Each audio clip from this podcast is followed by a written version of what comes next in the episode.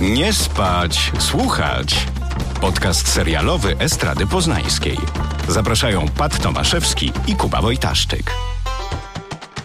Dzień dobry w kolejnym odcinku Nie spać, słuchać. Kubo, jak się masz w świecie szarzyzny za oknem? Żyję na tym świecie prawie 36 lat. Wiem, że to jest szokers. I przez te 36 lat zdążyłem się przyzwyczaić, że w grudniu jest brzydko. Jak również w styczniu jest brzydko.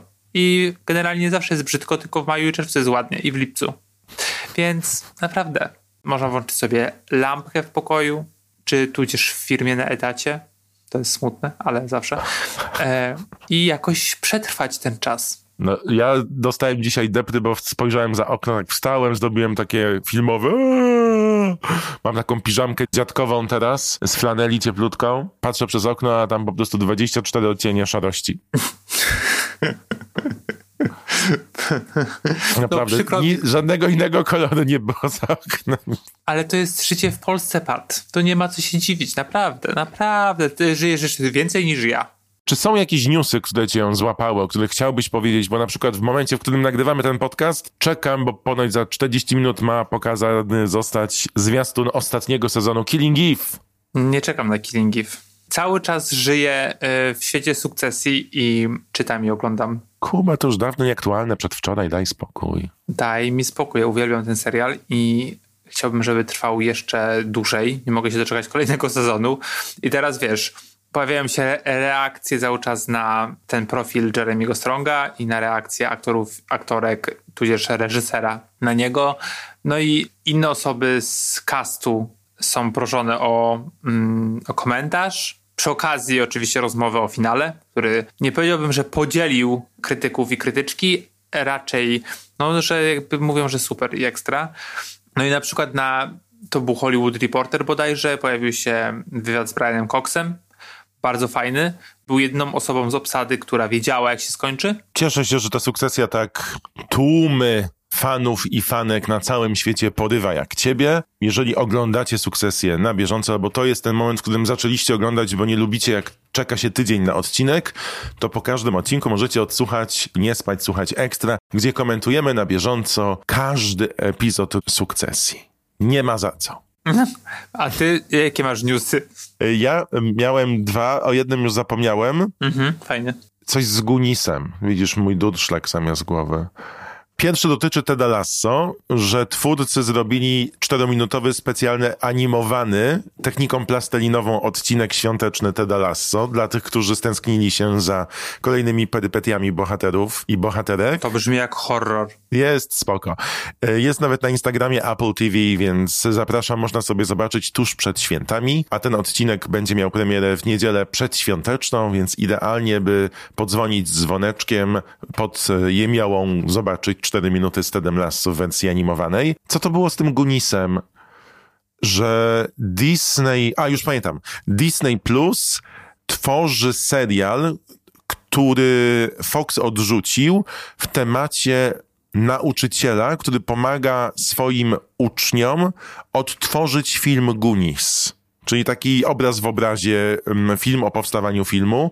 Będzie to w kilku odcinkach. Ma mieć taki vibe bardzo Goonisowy, ale z przymrużeniem oka. Goonies, którego oczywiście Kuba jeszcze nie zobaczył. No i co z tego? No i co z tego? A! To były newsy, a teraz temat odcinka, czyli zajmiemy się czym, Kuba? Nową odsłoną seksu w Wielkim Mieście, czyli serialem i tak po prostu? And just like that. And just like that. O tym teraz w Nie Spać Słuchać. Nie spać, słuchać. Dostawaliśmy od was e, wiadomości na Instagramach, żebyśmy o tym serialu porozmawiali jak najszybciej. Gwoli ścisłości pad. Proszę powiedzieć takie krótkie streszczenie. Nie wiem, czy jest potrzebne, ale może warto. The future is unwritten because we're all at different stages of life. Tonight, bring your A game. I remember when you kept your sweaters in the stove. There are always going to be roads not taken. And just like that, after all the years and all the changes, you're still you. Hello, lovers. Jak wygląda życie kobiet w Nowym Jorku po pięćdziesiątce? O tym opowiada i tak po prostu nawiązując do seksu w Wielkim Mieście, nazywany jest nowym rozdziałem seksu w Wielkim Mieście. Okej, okay, to jest twoje streszczenie. Jakbym chciał być cynikiem, to bym powiedział, zapraszamy na serial, który po 20 latach próbuje naprawić wszystkie swoje błędy i wrzuca wszystko, co należy, by to było poprawne politycznie. To prawda. Jak wiemy, w seksie, w seksie Wielkim Mieście oglądaliśmy perypetie czterech przyjaciółek. Kerry Bradshaw graną przez Sarah Jessica Parker, Mirandę, czyli Cynthia Nixon, Charlotte Kristen Davis i Samantha Kim Cattrall. To były lata, późne lata 90. i początek 2000. No i faktycznie był to taki pierwszy serial, jeden z pierwszych seriali premium, a na pewno w obrazowaniu y, kobiet był prekursorski, ponieważ były to singielki, które zwłaszcza Samantha, mówi bardzo otwarcie o seksie. Tak, nie bały się mówić o tym nawet przy jedzeniu, przy lunchach i to było takie świeże w telewizji. Nikt wcześniej nie poruszał tych tematów i nie pokazywał, że kobiety też mają uczucia, pragnienia i mogą rozmawiać swobodnie w tematach erotycznych i poszukiwania miłości. Tak, Kerry prowadziła um, rubrykę, całą rubrykę w, w gazecie właśnie o relacjach. No i za tę rubrykę utrzymywała dosyć ładne mieszkanie w centrum Nowego Jorku. Oczywiście była to baśń. One wszystkie były bardzo uprzywilejowane, bardzo bogate. Mm, jednak, co będzie moim przytykiem, już trochę spoilerując, te mieszkania wyglądały jakby w nich żyły po prostu. E, gdziekolwiek się nie pojawiły, no to faktycznie był taki vibe, że jest to przestrzeń mieszkalna, a nie z katalogu.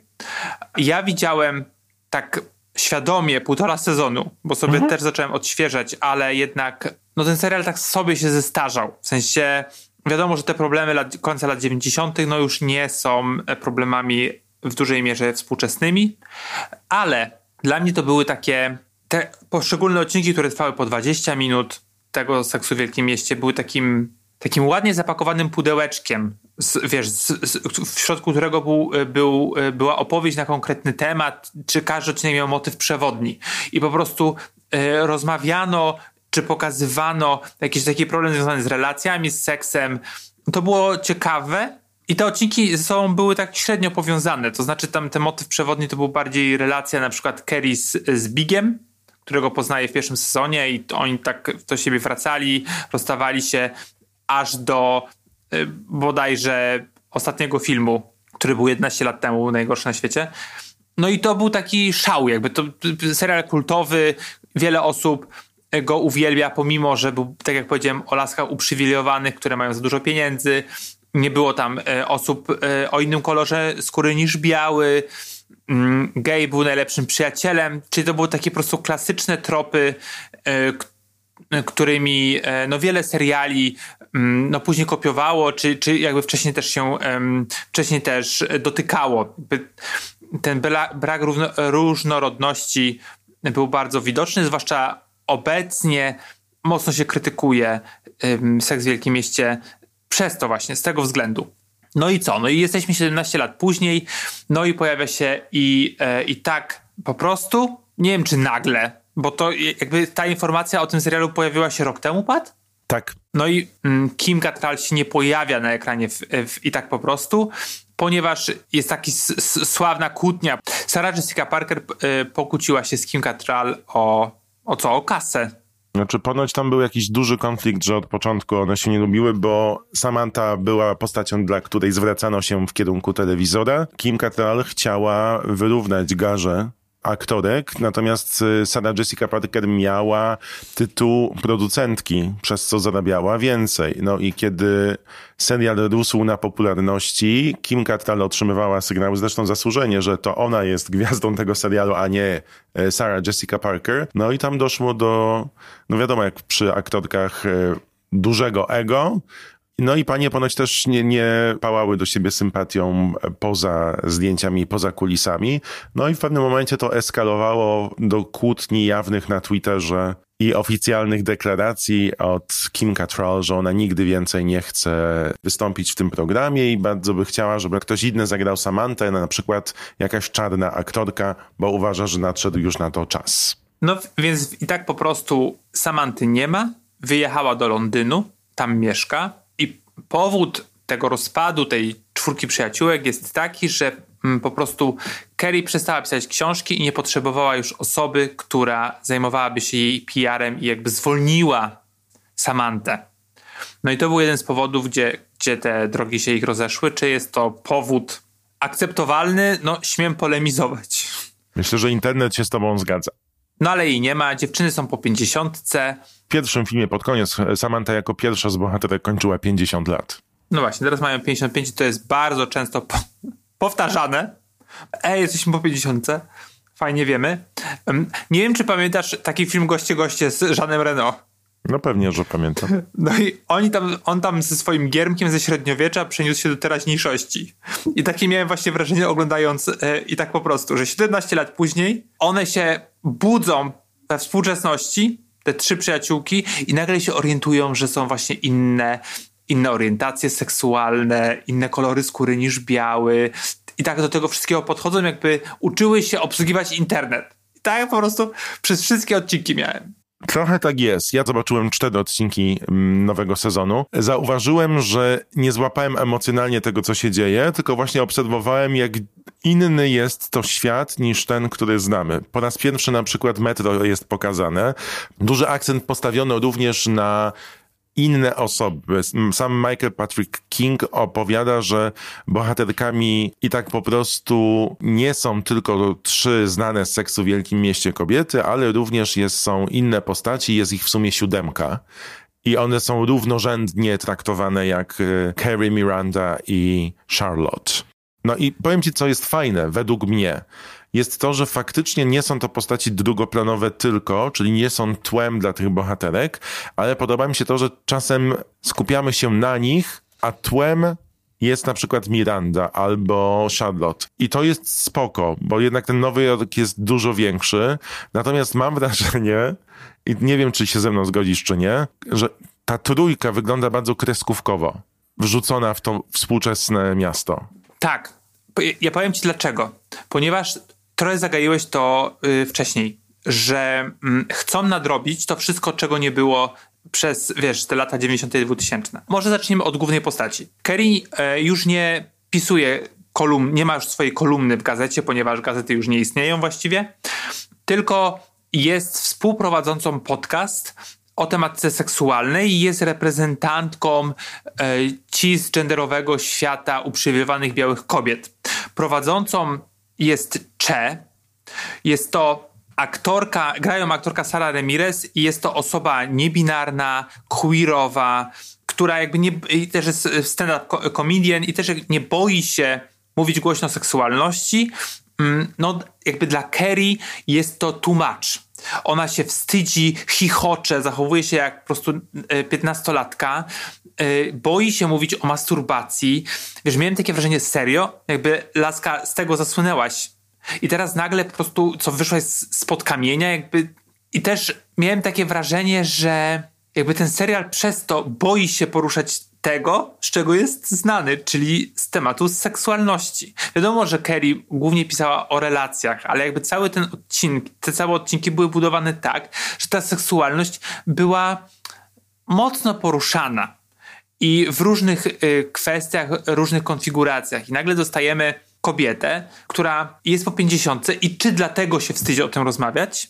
Bo jest po 50 i wiesz, staje się nagle bardziej konserwatywna, no być może tak, ale ten serial tego nie pokazuje.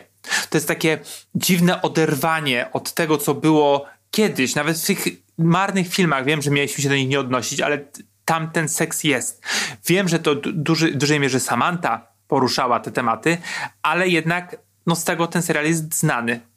I nagle ona ma podcastować, w czym po prostu jest, tam jest tyle cringe'u, ona nie potrafi tego robić. To jest takie... Nawet często jest pokazywana, jak nie mówi prosto do mikrofonu. Bo ona tam się cała po prostu kuli w sobie. Jedyny plus tego, znaczy tak się generalnie podcastu nie robi, bo to wygląda bardziej chyba jak, nie wiem, jakieś takie wypasione radio, no ale już pomijając ten fakt. Co mnie tam bardzo jakby pozytywnie, znaczy może nie pozytywnie zaskoczyło, ale co chciałby mieć, taki urządzenie z przyciskiem, które wydaje jakiś dźwięk Wiesz o co mi chodzi? Tak, małą konsoletkę. I jaki byś chciał mieć ten? Myślałeś o tym? Bo ja od razu już chciałem do naszego podcastu to przynieść i mieć taką konsoletkę z dźwiękiem, które będę wciskać za każdym razem, kiedy coś mi będzie nie pasować. Wiesz, co bym chciał mieć? Chciałbym mieć Briana Coxa, który mówi głosem Logana Roya fuck off. Fuck off! Ja bym chciał, jak zbliżasz się na niebezpieczne wody, uruchamiać głos tego dźwięku z, ze Squid Game. To wspaniałe.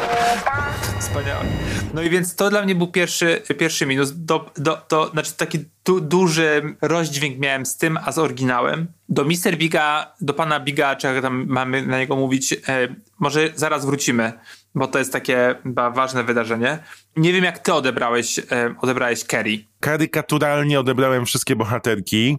Ja nigdy nie byłem fanem Charlotte i nadal nie łapię tej postaci, tej osoby. Tak. Miranda była dla mnie mistrzynią cynizmu, najmądrzejsza z nich wszystkich, patrzyła na, na, na świat przez duże pokłady sarkazmu i ironii. I tego w tym sezonie w ogóle nie widzę. I widzę ją jako tą, nie wiem dlaczego specjalnie wrzucili ją w buty typowej Karen. Tak. Bo to jest tak jakby Miranda pierwszy raz w życiu zobaczyła czarne osoby. Tak, A tak. przecież ona żyje w Nowym Jorku i na co dzień w tym tyglu kulturowym przebywa i żyje, no przynajmniej tak nam mówią twórcy. I nagle zaczyna gadać takie rzeczy i zachowywać się jakby miała 13 lat, przyjechała z małego miasta i pierwszy raz zobaczyła osobę o innym kolorze skóry. Nie pasowało mi to do tych postaci, które znamy. I teraz właśnie moje pytanie. Czy patrzeć na to jako kontynuację tego seksu, no tak jest przedstawiane, czy po prostu spojrzeć na to resetując wszystko, co wiemy? Wydaje mi się, że tak trochę jest to pisane. Wydaje mi się, że nie możemy zresetować. To jest absolutnie niemożliwe. To jest dla mnie kontynuacja, e, a bardziej taki skok na kasę, bym powiedział. No to bohaterki nie zachowują się, jakby to były one. Tak, ale może, może zostańmy na moment przy Mirandzie, bo jej wątek jest taki, bo ona jest prawniczką, bardzo wziętą prawniczką, no ale nagle budzi się po 50 i ona chce działać bardziej społecznie. No i e, jest bardzo skrupulatna, więc zapisuje się na studia podyplomowe na Kolumbię, z takich, no coś tam justice, justice studies, no, że jakby, żeby być bardziej zrównoważoną, jakby bardziej e, świadomą prawniczką dla takich so, społecznych e, sytuacji. No i oczywiście ona jest po tej 50, jak powtarza non stop, że ma 55 lat. A jak się nazywała ta z Love is Blind? Jessica, co chwilę też mówiła, jaka jest różnica wieku. Matko. Aha, no i tam są sami dwudziestoparolatkowie, no i ona.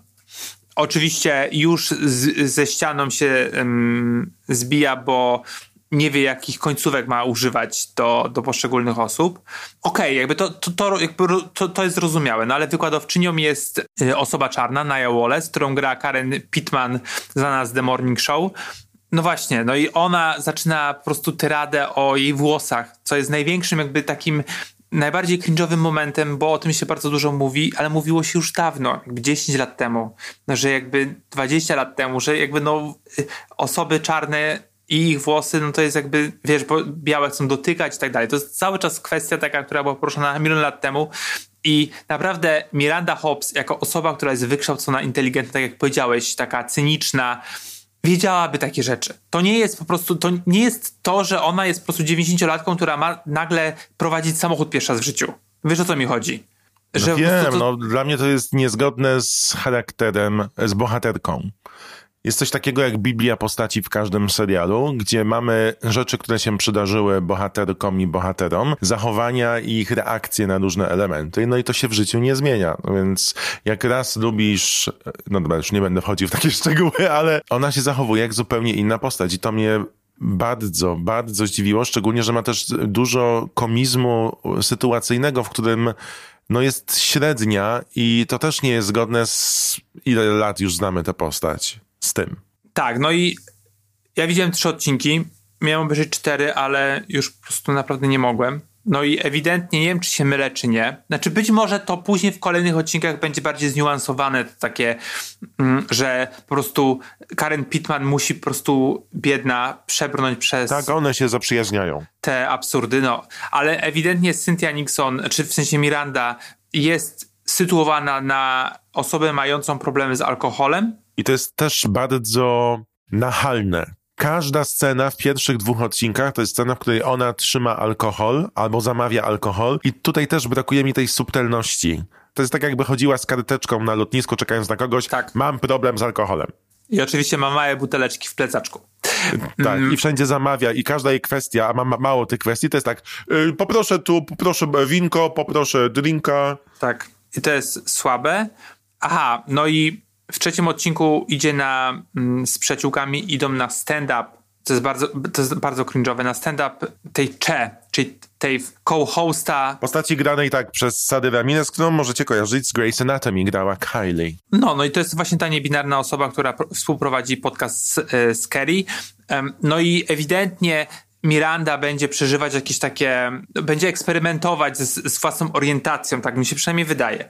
Co jest dosyć ciekawe pod tym, względ, pod tym względem, że sama Cynthia Nixon jest osobą e, nieheteronormatywną, więc, więc to jest spoko. Jakby generalnie jakby oddają trochę, trochę cześć tej postaci, w sensie jej prawdziwej sobie, nie wiem jak mam to nazwać. W każdym razie, ale też z drugiej strony serio dopiero teraz, no jakby no, to jest takie wszystko nachalne i jakby oglądając to po prostu widzisz te wszystkie takie ptaszki, które się pojawiają przy liście do co masz wykonać, że o, da, damy czarne postaci, tego nie było, damy osoby, które mają inną seksualność, o, tutaj będzie seksualne mm, przebudzenie jednej z bohaterek. Wiesz o co mi chodzi? Że to jest takie za dużo tego wszystkiego. No mówię, dla mnie to było karykaturalne i przez to ja się odłączyłem emocjonalnie, bo zacząłem zwracać na to bardzo uwagę. A myślę, że nie powinienem i zresztą chyba jesteśmy w mniejszości, bo reakcje po tym, co się stało na końcu odcinka pierwszego i tak po prostu, mówią, że osoby oglądające płakały, wzduszały się, nie wiedziały, co ze sobą począć, że serce pękało na milion kawałków. I ja spotkałem się, jak czytałem opinie ludzi, i, znaczy ludzi, w sensie śmiertelników i krytyków i krytyczek, to spotkałem spotkałem się z negatywnymi opiniami, takimi, jakie, jakie, jakie ja miałem. Charlotte, czyli grana przez Kirsten, e, e, Christine Davis, ta czwarta przyjaciółka, chyba najmniej lubiana ze wszystkich, również została postawiona znaczy jej wątek jest tak prowadzony, że po pierwsze jedna z jej córek okazuje się najprawdopodobniej e, być osobą trans, mówi, że nie czuje się, nie czuje się dziewczyną. Oczywiście, co mnie bardzo rozbawiło, jeden z tych tam przyjaciół gejów, jak to po prostu cisowy kolo, biały uprzywilejowany, zbagatelizował sytuację. Dzień dobry. Tam no też się pojawia wątek matki, którą gra Nicole Ari Parker i to jest też osoba e, czarna, czy nie biała i generalnie również Charlotte, która jest taka najbardziej konserwatywna, no, patrzy na, jakby uczy się, no, nie wiem, nowych skilli społecznych, społecznych Tak, też pierwszy raz w życiu ogląda ten świat swoimi oczami. Jest nawet jeden odcinek, nie wiem, czy widziałeś go, czy to był trzeci, czy czwarty, że ona zaprasza tę postać na kolację i okazuje się, że ona z mężem są jedynymi czarnymi osobami wśród grona białych zaproszonych, więc Charlotte próbuje nakłonić sąsiadów, z którymi nie rozmawiała o innym kolorze skóry, żeby przyszli na tę kolację, a konsekwencja jest taka, że tam tamci odmawiają i zapraszają Charlotte z mężem do swojego domu i sytuacja się odwraca i zachowują się dziwnie i oczywiście tam są takie typowe żarty, na zasadzie czytałem książkę Obamy. Ja pierdzielę, nie. To musi być czwarty odcinek, bo ja tego nie widziałem. Zaraz Ale prostu... nie, hit jest taki, że mówię sobie, no dobra, no żart żartem, słaby, słaby, ale może przejdziemy do normalizacji tych zachowań i Charlotte jako jedyna biała kobieta na kolacji wśród czarnych osób tłumaczy im wszystkim, pokazując na obrazy, które wiszą na ścianach, historię sztuki czarnych artystów. Nie, Jezu, tak, jest tak zażenowany, tak. że teraz... I oni wszyscy się odwracają od stołu patrząc, a Szandot mówi, to jest ten, to jest tu, to jest ten, to jest ten. Jakby oni nic nie wiedzieli. Biała postać tłumaczy czarnym osobom historię czarnej sztuki. Jezu, no ale widzisz, to jest taki po prostu cringe na maksa, to jest wszystko na hama zrobione. Bardzo karykaturalne, bardzo. To jest tak jakby oni nigdy nie wiedzieli nic o tym. Wiem, że są takie sytuacje, bo przecież jakby jesteśmy świadomymi odbiorcami świata dzisiejszego, ale to, to, to nie jest tak, że wszystko możesz pomyśleć w tym serialu. Kuba, tam nawet jest cytat, uratowałaś mnie do tej Charlotte. Nie, nie. Dobra, to teraz tak, Mr. Big czy ten odcinek został ci wcześniej zaspoilerowany? Nie, natomiast w momencie, w którym rozpoczął się koncert, wiedziałem już, bo już nie można być bardziej łopatologicznym, ile razy można pokazać pana Biga na rowerku, przeplatając go z koncertem Lili z dramatyczną muzyką. To, to ja ci powiem jeszcze tak, że jedna z naszych słuchaczek, um, którą um, pozdrawiam, napisała do mnie, czy, że jest ciekawa naszego zdania i jest na maksa ciekawa, co powiemy o końcówce pierwszego odcinka. No więc już wiedziałem, że coś się święci. I faktycznie to jest ciekawe na tyle, że ja, że ja nie mam, że tak jak powiedziałeś, żadnej relacji z tym Bigiem i to, czy oni są ze sobą, czy nie, jest mi wsiora w no. Ale jak ona wychodziła na ten koncert Kerry, była taka chwila zawahania pomiędzy nimi, że on dłużej się spojrzał na nią, tak jakby wiesz, już tęsknił. I to jest taki chwyt serialowy, filmowy, gdzie wiadomo, że coś się z jedną z postaci stanie. Nie wiadomo co i tak dalej. No ale już, jak już później, tak jak mówisz, ta muzyka dramatyczna, fortepianowa jazda na rowerku, wiadomo było, że coś tam nie, coś tam nie pyknie. No ile tych ujęć było przeplatanych? 4-5? No właśnie myślę, że dużo większe wrażenie zdobiłoby to, gdyby ona wróciła i zobaczyła go w takim stanie, a nie gdybyśmy, wiesz, widzieli to oczekiwanie, to budowanie napięcia na, na rowerku treningowym. Po pierwszym odcinku spadło 11%, e, 11% akcje spadły. No to jest wspaniałe w ogóle. Pa- Palaton się nazywają te chyba te rowerki. W każdym razie Big umiera na zawał serca, e, co jest zresztą, okazuje się, bo zrobiłem taki quasi research, że on chorował. Co więcej, Seks w Wielkim Mieście miał powrócić z trzecim filmem i ja sobie uświadomiłem, że nie byłem zaskoczony, ponieważ jak publicznie Kim Cattrall mówiła, że jej się scenariusz nie podobał trzeciego filmu i dlatego już zerwała na dobre z tą franczyzą, w trzech albo w czterech wywiadach poszła oficjalnie informacja, że scenariusz trzeciego filmu miał opierać się na śmierci Biga na zawał serca pod prysznicem i pokazaniu, jak Carrie radzi, radzi sobie, Carrie radzi, jak Carrie radzi sobie z tą tragedią i jak odzyskuje życie z pomocą przyjaciółek. Ona wpada do mm, tej łazienki i Big już tam ledwo zipie. I ona zamiast co zrobić, Zamiast zadzwonić na pogotowie, jest siedem rzeczy, które mogła zdobyć według tego, co pisze BuzzFeed.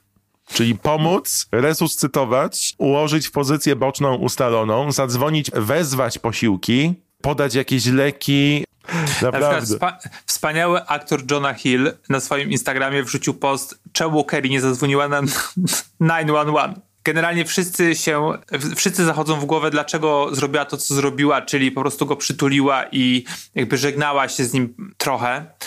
I podobno producent serialu, czyli Michael Patrick King, powiedział w wywiadzie, że to miał być taki Bonnie i Clyde moment Także musieli mieć ostatni moment między sobą, dlatego on jeszcze żył, jak ona weszła do mieszkania. Jest to bardzo, bardzo, bardzo, bardzo, bardzo złe i absurdalne. Poza tym jego telefon wpadł pod prysznic i naprawdę przez kilka sekund mógłby go wyciągnąć i tam, wiesz, ostatni, e, ostatni numer e, ratunkowy wykręcić. To jest super słabe. I to, że ona teraz jakby, że serial o seksie nie będzie zajmować się seksem, tylko będzie zajmować się żałobą po kolesiu, wiesz, jakby bardzo to wszystko też jeszcze bardziej mi niweczy ten cały odbiór tego. Ale chciałem tylko powiedzieć ci, że on już nie jest promowany jako serial o seksie, bo nawet zmieniono przez to nazwę. I jest to kolejny rozdział, jak tw- reklamują twórcy. Słuchałem też podcastu Michaela Patricka Kinga i HBO uruchamia teraz podcasty do każdego swojego tytułu, co jest bardzo fajne, bo i do ogrodników, i do seksu, i, do, i tak po prostu można sobie odsłuchać zamysły twórców. I Michael Patrick King powiedział, że powód, dla którego Sarah Jessica Parker zgodziła się partycypować w tej części, to jest właśnie opowiedzenie nowego rozdziału w życiu Carrie spowodowanego śmiercią Biga. Co się dzieje w życiu, kiedy tracisz tę największą miłość? No i ze scenopisarskiego punktu widzenia, no to jest coś, co gra na olbrzymich emocjach. No i musisz dojść do tego punktu, żeby pokazać, co się dzieje dalej. Są wzloty i opadki, wiadomo, pięć studiów żałoby, Wydaje mi się, że zamysł jest bardzo interesujący. Łamie serca milionom fanek i fanów na całym świecie, którzy gdzieś wyobrażali sobie, że to jest ta relacja, do której należy dążyć, no ale twórcy telewizyjni zawsze robią coś innego. Patrz też Grey's Anatomy i McDreamy. Drugie odniesienie do Grey's Anatomy. Ten serial ma tyle znaczeń. Wspaniałe. I, i, kuba, I jest to ciekawy zabieg. Natomiast sposób wykonania, ja nie wiem, czy to jest tak, że spauperyzowało się społeczeństwo, dla którego oni tworzą ten serial. Wydaje mi się, że ta produkcja lata temu była bardziej inteligentna, a teraz jest taka łopatologiczna. Zwróć uwagę na zachowania bohaterek, bohaterów i słowa wypowiadane. Nie wiem, dla kogo jest ten serial przede wszystkim, ponieważ on, no nie wiem, czy jest dla kobiet po 50, czy dla osób po 50. Ja, ja naprawdę chciałbym zobaczyć. Pamiętasz, jak rozmawialiśmy z Marią Maj o, mm, o To jest seksualności? pytanie retoryczne, że, że ja coś pamiętam. No ale rozmawialiśmy z Marią Maj o, mm, o tym miniserialu y, Kanal Plusa Planeta Singli i ona bierze udział w tym odcinku o seksualności seniorów. Tak, ten odcinek w ogóle będzie pod koniec roku miał premierę, więc zapraszamy, byście go zobaczyli, zobaczyły. No właśnie. I jak, ja wiem, że trudno mówić o czymś, co mogłoby powstać, no bo to nie my stworzyliśmy ten serial, ale jak dużo by zrobiło dla telewizji, jeżeli te laski, czyli Kerry, Miranda i Charlotte, faktycznie zajęli, zajęłyby się seksem osób po 50, a nie po prostu tym, że one się po prostu są nagle woke po 50, ale to jest taki woke po prostu cringe na maksa.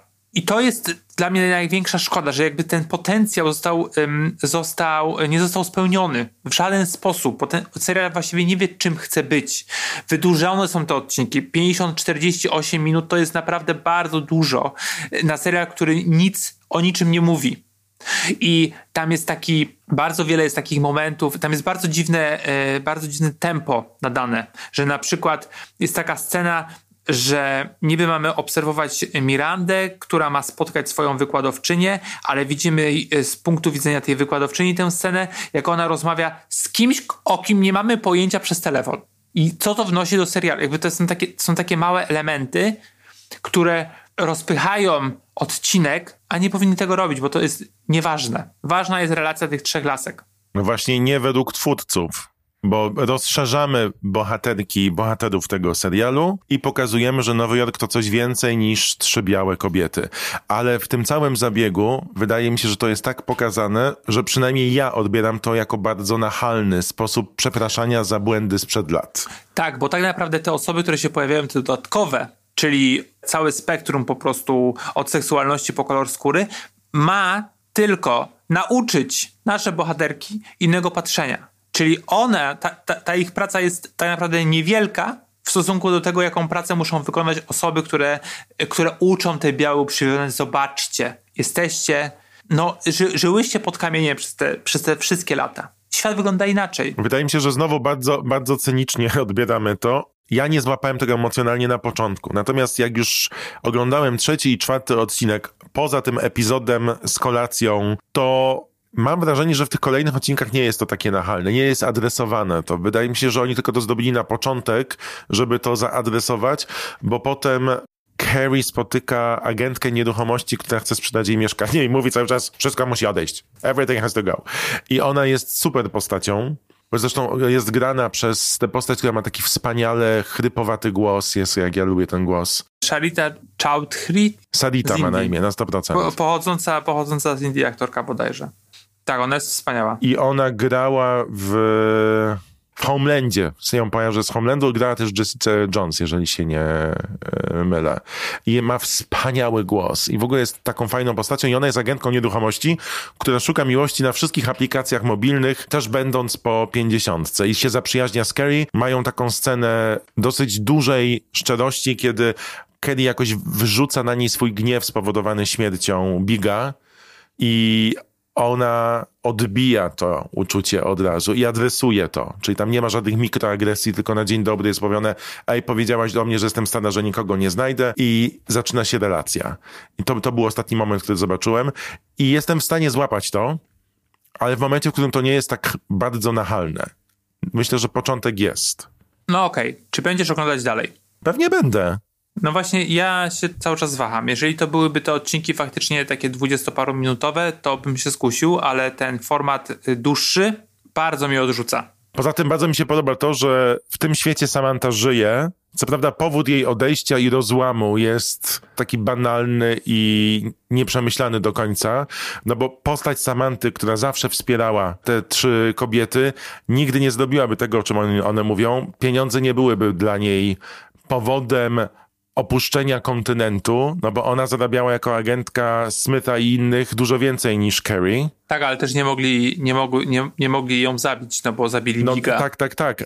No i ponoć ten wątek będzie miał duże znaczenie w finale tego dziesięcioodcinkowego sezonu, ale na przykład bardzo mi się podobała ta scena na pogrzebie, gdzie Love Samantha znaczyło dużo więcej i reakcje na Twitterze były wspaniałe. Ślady mokrych poduszek podpisane tylko Love Samantha. Ja po prostu przez cały czas byłem tak skrinżowany, że dawno nie byłem tak No ale tak ty jesteś tak 24 godziny na dobę No właśnie nie, no właśnie nie. To przy czym ostatnio się dobrze bawiłeś?